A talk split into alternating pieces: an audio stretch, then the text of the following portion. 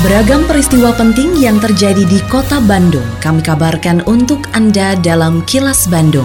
Diproduksi oleh LPS PR SSNI Bandung bekerja sama dengan Humas Pemkot Bandung yang disiarkan serentak oleh 40 radio anggota PR SSNI Bandung.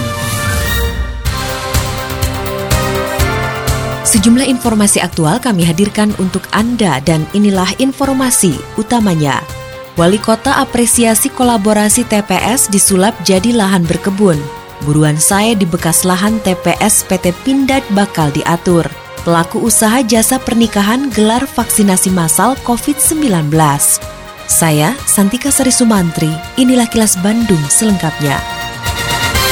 Lahan seluas 5.000 meter persegi, bekas tempat pembuangan sementara atau TPS PT Pindad, disulap menjadi lahan berkebun bagi warga. Bukan hanya bisa memanfaatkan lahan, hasil tani masyarakat sekitar pun bakal dibeli oleh PT Pindad saat menghadiri peluncuran kolaborasi program TJSL PT Pindad dengan DKPP Kota Bandung di RW 09 Kelurahan Sukapura, Kecamatan Kiara Condong, Wali Kota Bandung Oded M. Daniel mengatakan pemanfaatan lahan ini merupakan tanggung jawab sosial lingkungan atau TJSL PT Pindad dalam bentuk urban farming atau buruan sehat alami dan ekonomis. Oded berharap melalui kolaborasi ini dapat memberdayakan ketahanan pangan masyarakat. Terlebih di lokasi tersebut terdapat potensi lahan tanam yang cukup luas dan digarap digarap oleh warga masyarakat.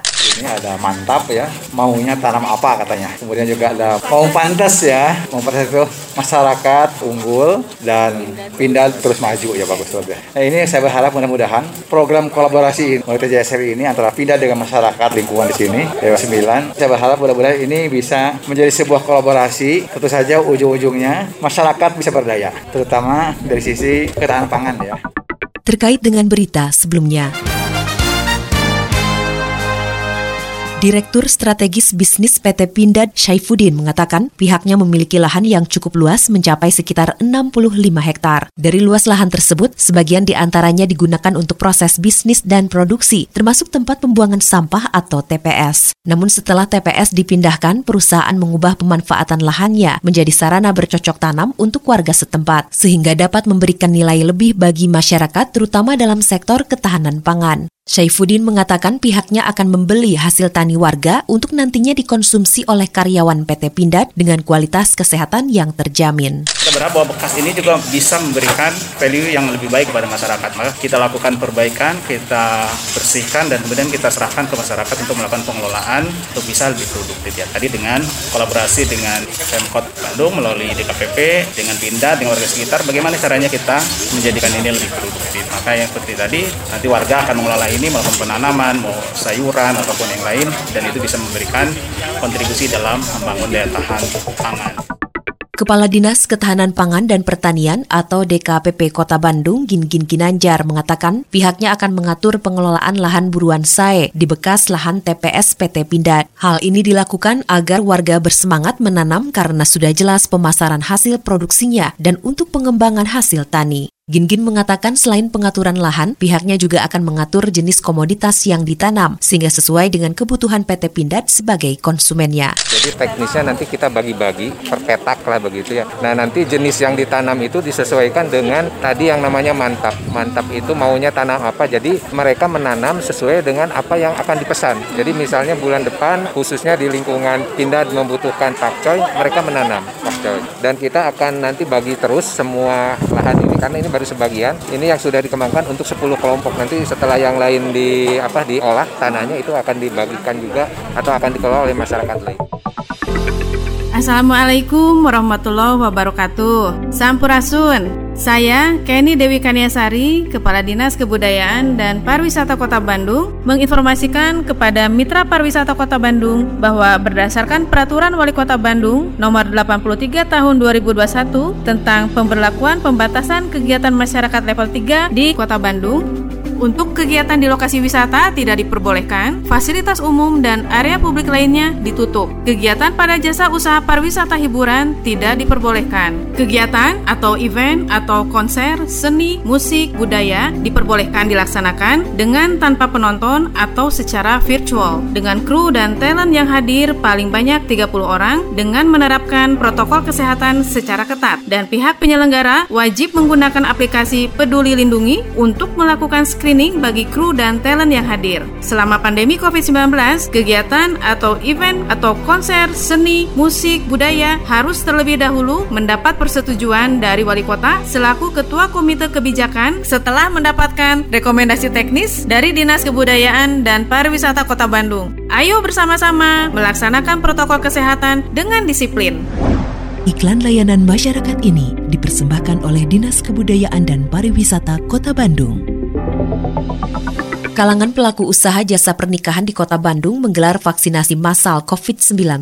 Sebanyak seribu orang dari berbagai asosiasi pelaku usaha jasa pernikahan dan masyarakat umum mendapatkan suntikan dosis pertama vaksin COVID-19 di Balai Asri Pusdai. Ketua Forum Asosiasi Usaha Jasa Pernikahan Jawa Barat, Aris Hizbullah mengatakan, vaksinasi massal tersebut digelar untuk mempercepat pemulihan ekonomi dan terbentuknya kekebalan komunal atau herd immunity, terutama di kalangan para pelaku usaha jasa pernikahan agar mereka bisa kembali beraktivitas normal. Bersama teman-teman dari fashion designer, skin solution, dan para asosiasi yang ada, ini kita bisa menyelenggarakan walaupun saat ini dosisnya ada seribu ya, dan alhamdulillah sih sebetulnya sebagian besar teman-teman fashion juga dapat divaksin ya sebetulnya dari kami juga sebagian besar pada divaksin jadi ini yang istilahnya jatah yang belum kebagian. Mau ke Samsat bayar pajak. Sampurasun kabar gembira dalam rangka mendekatkan pelayanan kepada masyarakat, kini Samsat Soekarno-Hatta hadir di Ruko Biro Komersial Sumarekon Bandung mulai tanggal 23 Agustus 2021 untuk melaksanakan pembayaran pajak kendaraan bermotor satu tahunan. Ayo Baraya Samsat, segera datang ke gerai pelayanan publik Sumarekon dan manfaatkan program Triple Untung Plus antara lain bebas denda pajak kendaraan bermotor, bebas BBNKB 2, bebas tunggakan tahun kelima, diskon pajak kendaraan bermotor, dan diskon BBN 1. Serta bagi Baraya Samsat yang melakukan pembayaran pajak kendaraan bermotor saat ini berhak mengikuti undian dan dapatkan hadiah menariknya. Pesan ini disampaikan Pusat Pengelolaan Pendapatan Daerah Wilayah Kota Bandung 3 Soekarno-Hatta. Assalamualaikum warahmatullahi wabarakatuh. Sampurasun, warga Kota Bandung yang saya hormati dan saya cintai. Saya Tono Rusdiantono, Kepala Dinas Sosial Kota Bandung menghimbau kepada seluruh warga Kota Bandung, para wisatawan dan para pengguna jalan untuk tidak memberikan uang atau sedekah kepada pemerlu pelayanan sejahteraan sosial atau PPKS. Di antaranya anak jalanan, gelandangan dan pengemis karena mengganggu ketertiban umum dan kelancaran arus lalu lintas. Selain itu, saya juga meminta kepada seluruh warga kota Bandung untuk tidak menggalang dana atau meminta sumbangan di tengah jalan dengan dalih apa pun. Terlebih kegiatan itu tanpa mengantongi izin resmi dari Dinas Sosial Kota Bandung. Apabila Anda menemukan adanya PPKS maupun penggalangan dana, diminta partisipasinya untuk melaporkan hal tersebut kepada Dinas Sosial Kota Bandung. Salurkan donasi Anda hanya melalui lembaga resmi. Wassalamualaikum warahmatullahi wabarakatuh. Kini, audio podcast siaran Kilas Bandung dan berbagai informasi menarik lainnya bisa Anda akses di laman kilasbandungnews.com.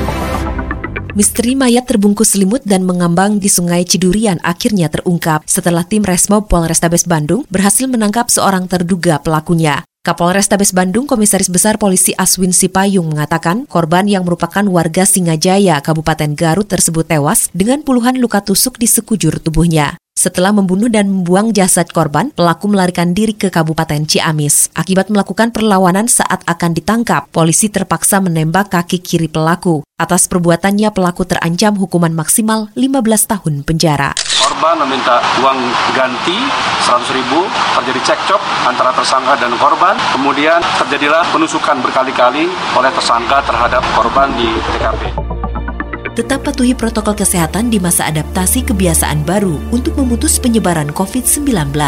Selalu memakai masker, mencuci tangan, menjaga jarak dan menghindari kerumunan, serta mengurangi mobilitas agar terhindar dari terpapar virus corona.